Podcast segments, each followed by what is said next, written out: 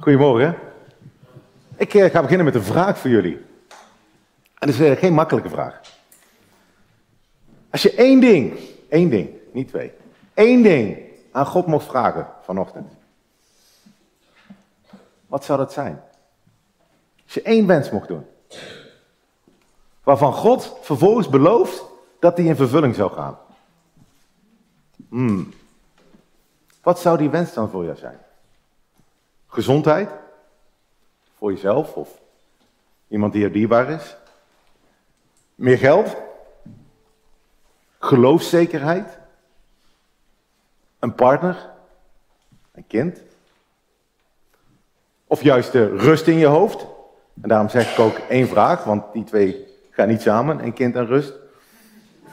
Ja, wij zijn als mensen denken vaak, oh god, ik wil dit, dit en dit, maar dat heft elkaar dan weer op. Maar wat zou dat zijn als je één ding aan God mocht vragen?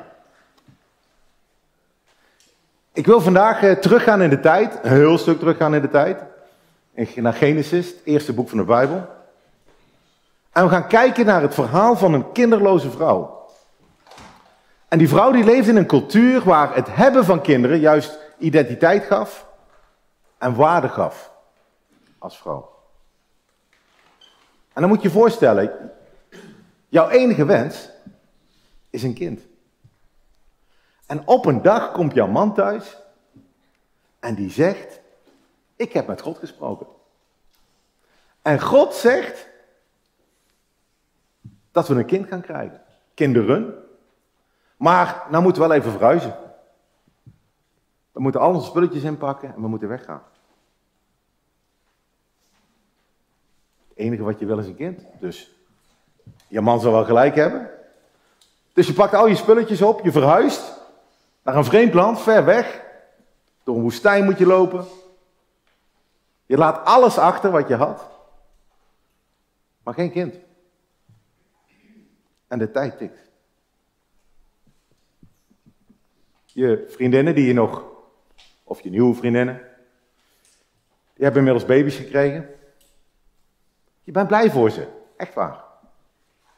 Maar je eigen verdriet is onbeschrijfelijk. Jaren gaan voorbij. De baby's van je vriendinnen worden tieners. De tieners worden volwassen. Om je heen wordt iedereen opa en oma. En je weet dat de fase van je leven is aangebroken dat het onmogelijk is dat jij nog kinderen krijgt. Biologisch. En je legt je erbij neer. Wat moet je anders? Je probeert te genieten van je oude dag. Samen met je man. Hij zal zich wel vergist hebben. Toen hij dacht van God te horen dat je moeder zou worden. Of misschien is God het vergeten. En plotseling staan er drie mannen aan de deur. Bezoekers. Op weg naar een volgend dorp. En ze praten met jouw man, ze praten met Abraham. En ze zeggen tegen hem, waar is Sarah? En hij zegt, oh, ze is in de tent. En de man die spreekt, die zegt, over een jaar kom ik bij u terug. En zie, uw vrouw zal een zoon hebben. een zoon? Yeah, right. Wat een mannenpraat. Mannen willen altijd oplossingen. Die willen altijd dingen oplossen. Snappen die dan niks van biologie? Weten ze niet dat een 100-jarige vrouw geen kinderen meer kan krijgen? Rare mannen. Je lacht even in jezelf. In de Bijbel staat het zo geschreven. Sarah hoorde dat bij de ingang van de tent, die, die achter hem was, ze hoorde het. En Abraham en Sarah waren oud op dagen gekomen en het ging Sarah niet meer naar de wijze van de vrouwen. Dat is mooi omschreven. Daarna lachte Sarah in zichzelf, zal ik nog liefdesgenot hebben, dat ik, nu ik oud geworden ben en ook mijn Heer oud is. Maar de Heer zei tegen Abraham, waarom heeft Sarah gelachen? En waarom heeft Sarah gezegd, zou ik ook werkelijk baren nu ik oud geworden ben? Zou er iets voor de Heer te wonderlijk zijn? Op de vastgestelde tijd, over een jaar, zal ik bij u terugkomen. En Sarah zal een zoon hebben. Maar Sarah ontkende het. Sarah zei, ik heb niet gelachen, want ze was bevreesd. Maar de man die daar stond zegt, nee, u hebt wel gelachen. Sarah lacht God uit. Misschien had ze niet eens door, hè? Als er drie mannen voor de deur staan, is niet het eerste wat ik denk, is dat een van die drie God is of zo, of Jezus. Dat, dat, dat, is niet het eerste wat ik denk. Of een engel. Um, maar de schrijver van Genesis, die vindt het hier ontzettend nodig om het in te wrijven. Om een heel verhaal te maken over schepping, over, over God die hemel en aarde maakt. Waar generatie op generatie opstaat en weer overlijdt. En om dat hele verhaal van duizenden jaren te onderbreken met een gesprekje over een bezoek. En in plaats van 100 jaar in een hoofdstuk, trapt de schrijver van Genesis hier op de rem en gaat de tijd hier ontzettend langzaam. En blijkbaar is het niet voldoende dat dan in de tekst staat dat Sarah God uitlacht. Het wordt nog erger. De bezoeker vraagt waarom heeft Sarah mij uitgelachen? En Sarah liegt recht in het zijn ogen. Ik heb niet gelachen, zegt ze. Moet je je voorstellen, in die cultuur, in die tijd. En nu met de wetenschap dat de Almachtige God voor de deur staat. Liegen. En om het echt nog even scherp te maken, zegt de bezoeker, die laat er niet bij zitten, die vertrekt niet gewoon naar zijn volgende dorp, waar ze volgens mij een hoop mensen eh, om gaan brengen. Maar hij zegt, aha, u hebt wel gelachen. Hij moet nog even het laatste woord hebben. Zodat wij nu, duizenden jaren later, kunnen lezen dat Sarah God uitlacht en erover liegt. Waarom? Waarom staat dat zo opgeschreven? En met die vraag mogen de kinderen weg. Want ik moest ergens stoppen. En ik denk dat dit een mooi punt is. Waarom lacht eh, Sarah God uit? Succes.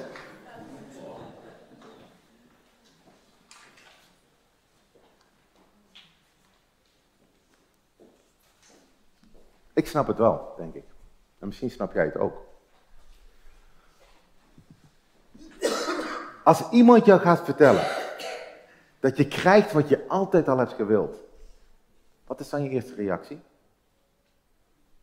Ik heb afgelopen week waren wat mensen hier in Eindhoven, ook een zon volgens mij, die hadden de postcode loterij gewonnen.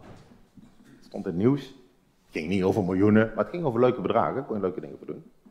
En sommige mensen konden het niet bevatten. En die zeiden, ah, ik, ga nog niet reageren. Ik, ik, wil er nog een nachtje over slapen. Weer een beetje lacherig deden ze er ook over. Van, ja, wat gebeurt hier nou weer? Ze wilden zeker weten dat ze niet morgen wakker zouden worden, dat het allemaal een droom eh, bleek te zijn. En ik denk dat dat ook voor Sarah geldt. Sarah lacht God uit om zichzelf te beschermen. Want geloven dat God echt iets gaat doen, hè, dat maakt je wel heel kwetsbaar.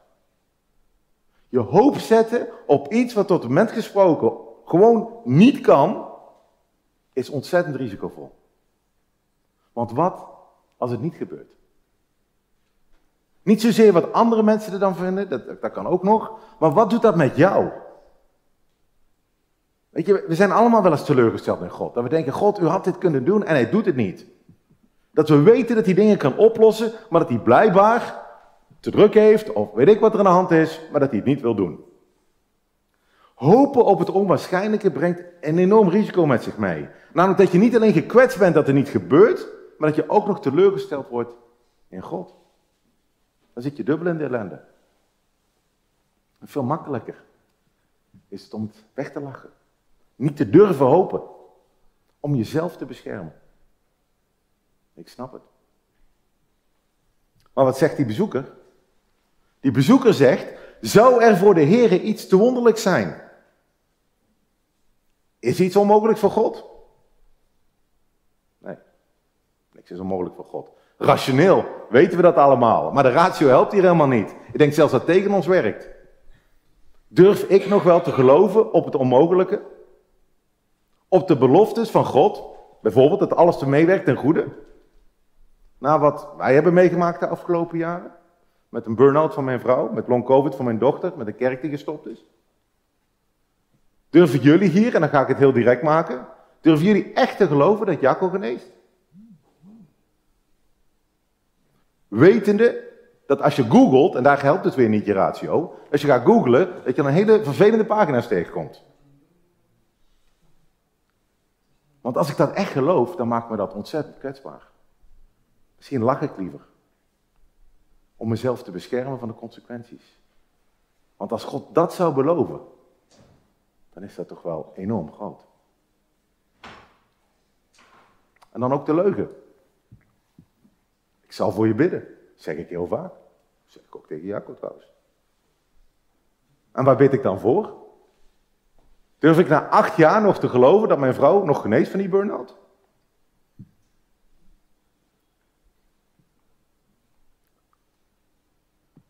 Of bid ik, vraag ik iets aan God waarvan ik in mijn hart het eigenlijk al lang niet meer geloof? Hoe eerlijk ben ik tegen God? Als het gaat over mijn gebed, over mijn geloof. En hoe eerlijk zijn we met elkaar in ons gesprek met God? Hoe vaak zeggen we tegen God dat we eigenlijk wel oké zijn, want God houdt van me. Terwijl het eigenlijk misschien helemaal niet zo is. Hoe vaak praat je überhaupt met hem als het minder gaat? Sarah liegt tegen God over iets ontzettend kleins trouwens, hè? Wat maakt het uit of ze wel of niet gelachen heeft? In de geschiedenis van Genesis, who cares? Maar ze lacht omdat ze bang is. Bang om opnieuw teleurgesteld te worden in God. Bang om haar hoop te zetten op een kind en dat het dan na een jaar blijkt niet waar te zijn.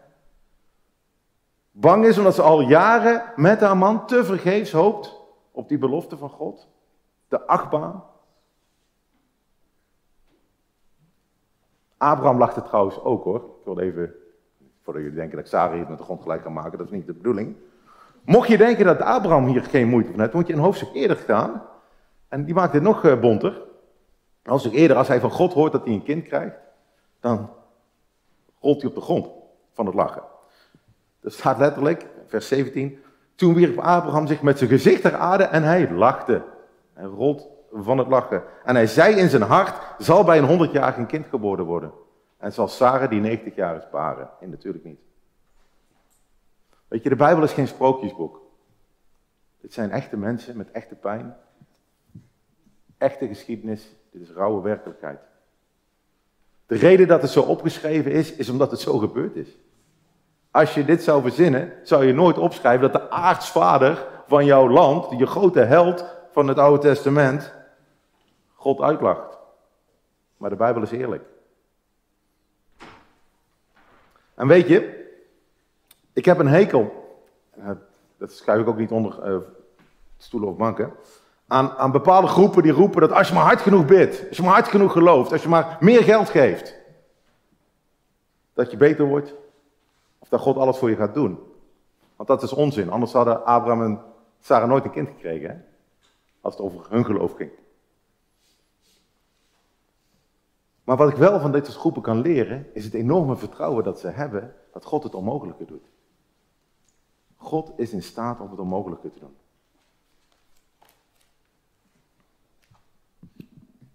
Want dat doet God ook. God doet wat hij belooft. Ook al geloof je er helemaal niks van. En nogmaals, er zijn mensen die zeggen dat je maar harder moet geloven en dat je harder moet bidden en meer geld moet geven, maar dat is niet waar. Er is geen vader hier in de ruimte, en ook geen moeder denk ik, die niet het beste met zijn kind voor heeft, zonder dat het kind erom vraagt. Echt niet. En dat zien we ook. Sarah lacht, Sarah gelooft niet, maar ze wordt wel zwanger. Ondanks dat ze eigenlijk al een eigen plannetje had getrokken. Ik weet niet of jullie dat nog weten van Genesis. Maar ze had inmiddels al haar man met uh, haar dienst een meisje laten slapen. En daar is ook een kind uit voorgekomen. En daar plukken we nu in, nog steeds de vruchten van het Midden-Oosten. Dat is een heel andere toespraak. Maar ondanks dat ze God uitlachte en ondanks dat ze oneerlijk was tegen God, zag de Heer om naar Sarah zoals hij gezegd had. De Heere deed bij Sarah zoals hij gesproken had. En Sarah werd zwanger en baarde Abraham een zoon in zijn ouderdom op de vastgestelde tijd die God hem genoemd had. En hoe heet die zoon? Isaac. En wat betekent Isaac? Hij lacht. Hij lacht. Isaac is lachen. Sarah zei, God heeft mij doen lachen. En ieder die het hoort, ook in 2024, zal met mij meelachen. Sarah lacht voor de tweede keer. En nu is het geen lach van ongeloof, geen lach van angst om zichzelf te beschermen. Het is een lach van dankbaarheid. Ze lacht met God in plaats van tegen hem. Dankbaar omdat ze ziet dat God doet wat hij beloofd heeft. Altijd. En ze kan zo lachen met God over haar eigen tekortkoming, over haar eigen falen daarin. Haar eigen ongeloof. Dat ze haar kind hij lach noemt, zodat ze er iedere keer aan herinnerd wordt. God kan zelfs ons ongeloof gebruiken ten goede. Zijn kracht wordt zwak, wordt zichtbaar door onze zwakheid, zal Paulus vele jaren later zeggen. Maar nu moet ik wel oppassen. Want ik wil wel twee kanttekeningen plaatsen bij wat God allemaal doet. Voordat we met z'n allen hier in jubelstemming vertrekken en denken, God doet alles. Ten eerste is, je moet wel heel zeker weten wat God beloofd heeft. Want daar gaat het soms nog wel eens mis. In het verhaal is het redelijk duidelijk, want God komt zelf op bezoek bij Sarah en Abraham en hij geeft ze een belofte. Daar kan je op bouwen. Ik heb dat nog niet zo vaak meegemaakt. Dat mijn deurbel gaat, dat er drie mannen staan, of vrouwen of engelen, die daar staan en die mij een boodschap van God geven waarvan ik weet dat die van God afkomt. Dus we moeten oppassen dat we God geen woorden in de mond gaan leggen. Ik dacht dat u dit en dit beloofd had. Want vaak denken we namelijk dat God dingen gaat doen op de tijd en op de manier die wij bedacht hebben. En dan maken we het ook nog heel geestelijk vaak. Ik zat een paar jaar geleden in een vliegtuig. Gelukkig bleef die deur wel erin zitten. Met een autistische jongen. En die autistische jongen, dat snap ik, die wilde uit het vliegtuig. Ik snap dat. Dat is een klein uh, ding. Dus ik ben op een gegeven moment uh, met hem gaan lopen door die gang. Heel lang verhaal kort. Hij wilde de deur openmaken om eruit te gaan. En ik heb het uiteindelijk kunnen voorkomen door uh, met mijn lichaam ertussen te staan. En hij was wel sterk, maar niet zo sterk als ik. Dus ik heb hem vast kunnen houden. En toen dacht ik, geestelijke Maarten, als ik nu hardop ga bidden, tot God, dat hij die jongen rustig maakt, hè? want hij was best uh, wild. En God grijpt in. Hoe geweldig zou dat zijn? Voor God natuurlijk, en niet voor mij. Voor God, hè? Dan wordt alles rustig, zullen de mensen op hun knieën hier in het vliegtuig God gaan danken. Daar dacht ik. Voor uw heerlijkheid. Krijgen we misschien een kleine opwekking met 200 uh, mensen in het vliegtuig. Alle eer aan u, Heer. heb ik ook gebeden. Hardop. Wat denk je? 30 minuten later stonden we in Kansas City, Missouri op de grond. En uh, ik zie je misschien niet zo heel goed, dit is een mooie foto wel hoor. Maar uh, is de middle of nowhere. We stonden op de grond. We hadden een noodlanding gemaakt en die jongen werd uit het vliegtuig gehaald. Zo werkt het niet met God. God kan zelf wel voor zijn eigen heerlijkheid zorgen. Maarten, daar heeft hij mij niet voor nodig. Een paar jaar geleden werd een, uh, een moeder van een bekende dominee, ja, we kennen hem allemaal niet in Nederland, maar dat maakt allemaal niet zoveel uit, ik zal hem zo meteen even laten zien op de, op de video. Die werd heel ziek en die was heel bekend, dus heel veel christenen gingen allemaal van bidden. Heel Texas bad voor haar dat ze beter zou worden, dat ze zou genezen en dat ze nog veel tijd met haar kinderen mocht besteden. Heel mooi. En als ze zou genezen, want dit was zo publiek, dan zou heel Amerika op zijn kop staan. Want naar de mensen gesproken was dit ook weer onmogelijk. En toen overleed ze. En de man, haar zoon, die dominee, Jonathan Evans heet die, die worstelde echt met het feit dat zijn moeder was overleden. Want ze hadden toch met z'n allen zo hard gebeden. En dan wil ik een heel kort filmpje laten zien van twee minuten, wat hij daarna daarover zegt. Ik had het zelf willen doen, maar je zal wel zien waarom ik dat aan hem overlaat.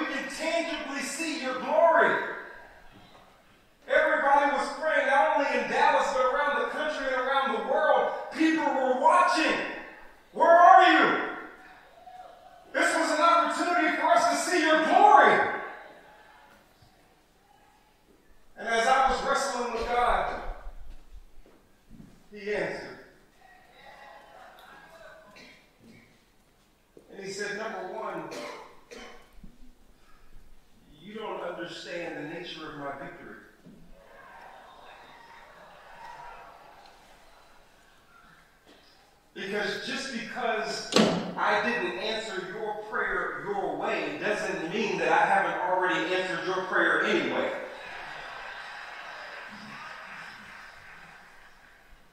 Because victory was already given to your mom. You don't understand. Because of the victory that I have given you, there was always only two answers to your prayers.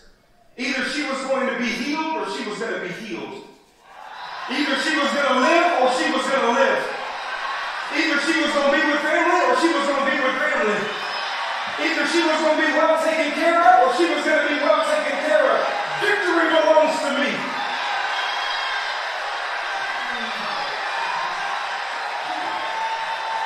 Because of what I've already done for you, the two answers to your prayer are yes and yes. Because victory belongs to Jesus. Many said to me,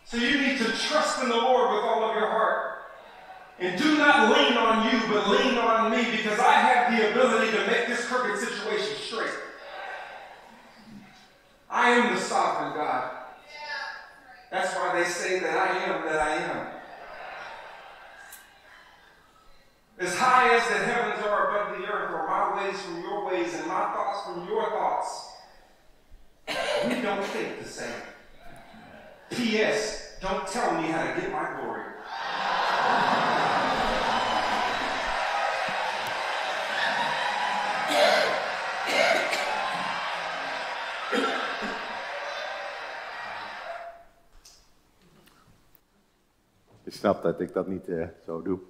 Hij zegt dit dus bij de begrafenis van zijn moeder. Hè? Ik vind het wel heel bijzonder ook hoe hij dat vertelt.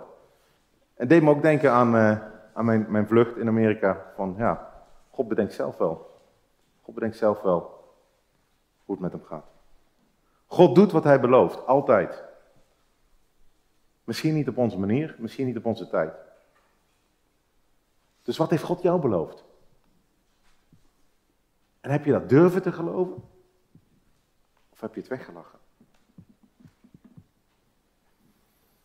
En mijn tweede kanttekening is dat God wil dat je op Hem vertrouwt, ook al geloof je er niks van. Nelly zei het net ook al. Op Hem vertrouwt, niet op hetgeen wat Hij beloofd heeft. Het is geweldig als God iemand geneest. Het is geweldig als God je gebed verhoort. Het is geweldig in dit verhaal dat Sarah een zoon krijgt. Maar soms focussen we, ze, we dan zo op die genezing, of op dat kind, of op het cadeau dat we gekregen hebben van God, dat we God uit het oog verliezen.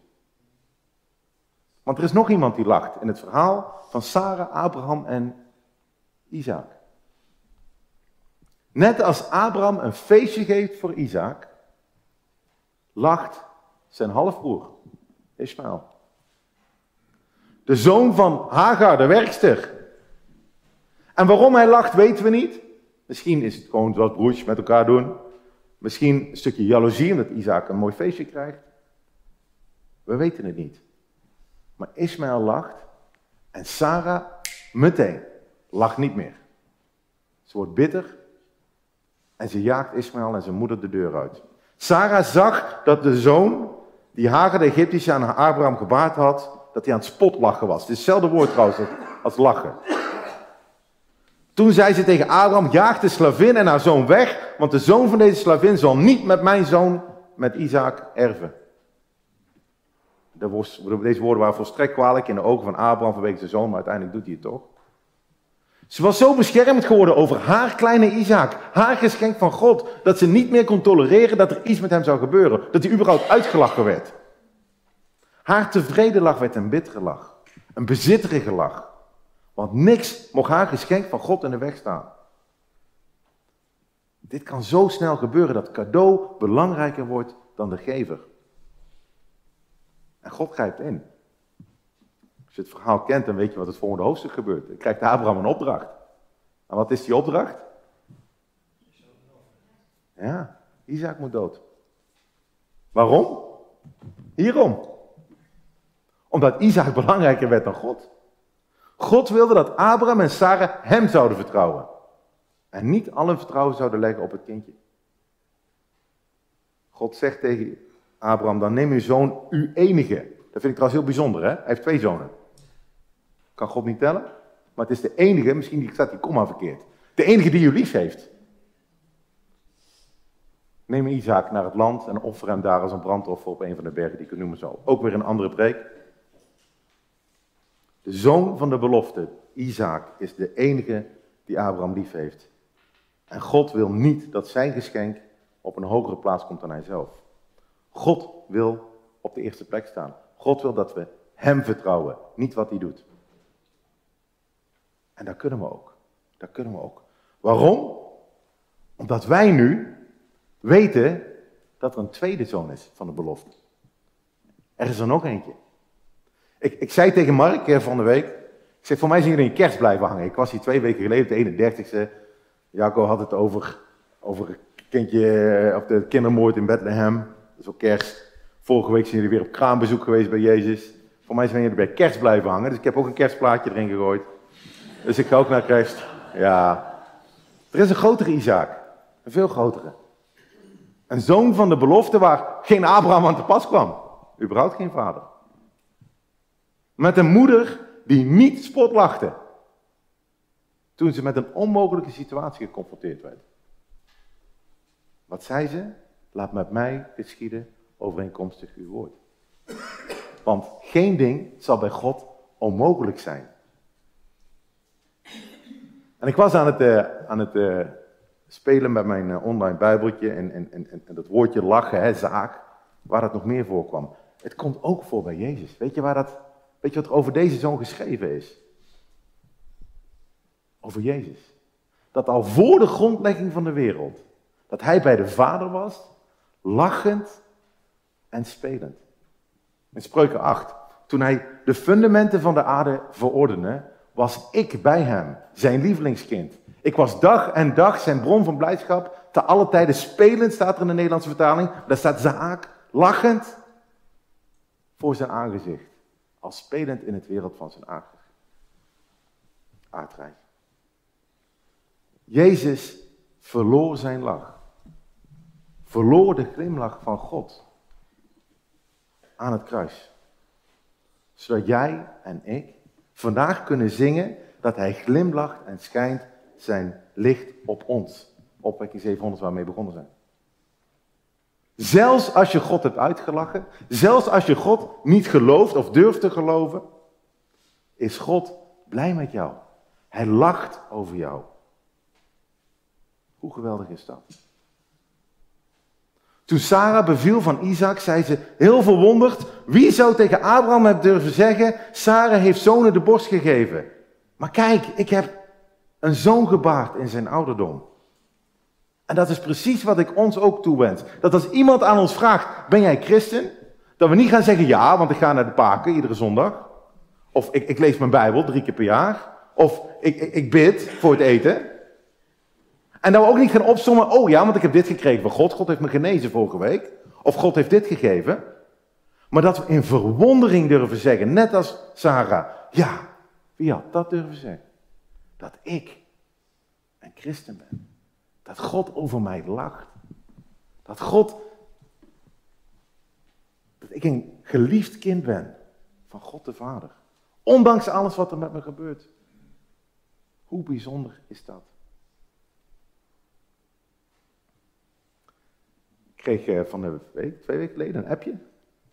Ja, van een vriend van mij die Jezus gevonden heeft. Nog niet zo lang geleden. En hij schreef, ik heb hem niet voor toestemming gevraagd, maar ik doe het toch. En hij is hier, dus hij kan roepen als hij het niet mee eens is. Achteraf. Hij schreef, ik blijf me erover verwonderen hoe gaaf het is dat het meest onwaarschijnlijke verhaal uit mijn kinderjaren, nou het meest waardevolle verhaal uit mijn leven is geworden. Hoe gaaf is dat? De onmogelijke, van God. En ik wil je echt aanmoedigen. Lach met God. Niet uit ongeloof, maar uit de waarheid. Dat je weet dat je een kind van Hem bent. Dat Zijn beloften voor eeuwig stand blijven. Dat Hij is wie Hij is. Dat het antwoord op je gebed ja en ja is. Misschien niet op jouw tijd, misschien niet zoals jij het gewild had, maar op Zijn manier. Dat Hij het beste met je voor heeft. Dat Hij alles laat meewerken ten goede.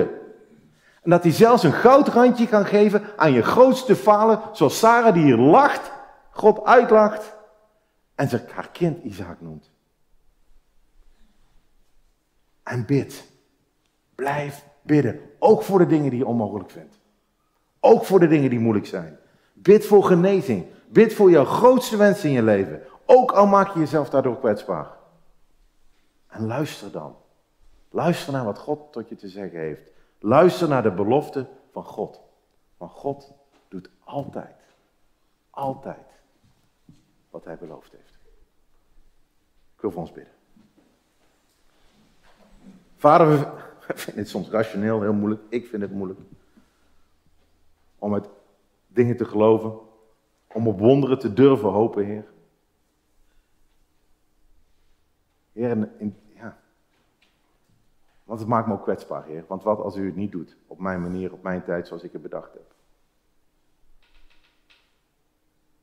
En ik wil u danken. Dat we ook door Sarah kunnen leren. Dat dat niet erg is. Dat u toch voor ons zorgt. Dat u bij ons bent. Dat u tot ons wil spreken. Dat u ons beloftes geeft waar we ons aan mogen vastklampen. Heer, en help ons om die moed te hebben. Om kwetsbaar te zijn zelfs met angst dingen te geloven, Heer. Geef ons ook dat geloof dat we nodig hebben. Heer, laat weten dat u bij ons bent. Laat ons dat ervaren ook, Heer.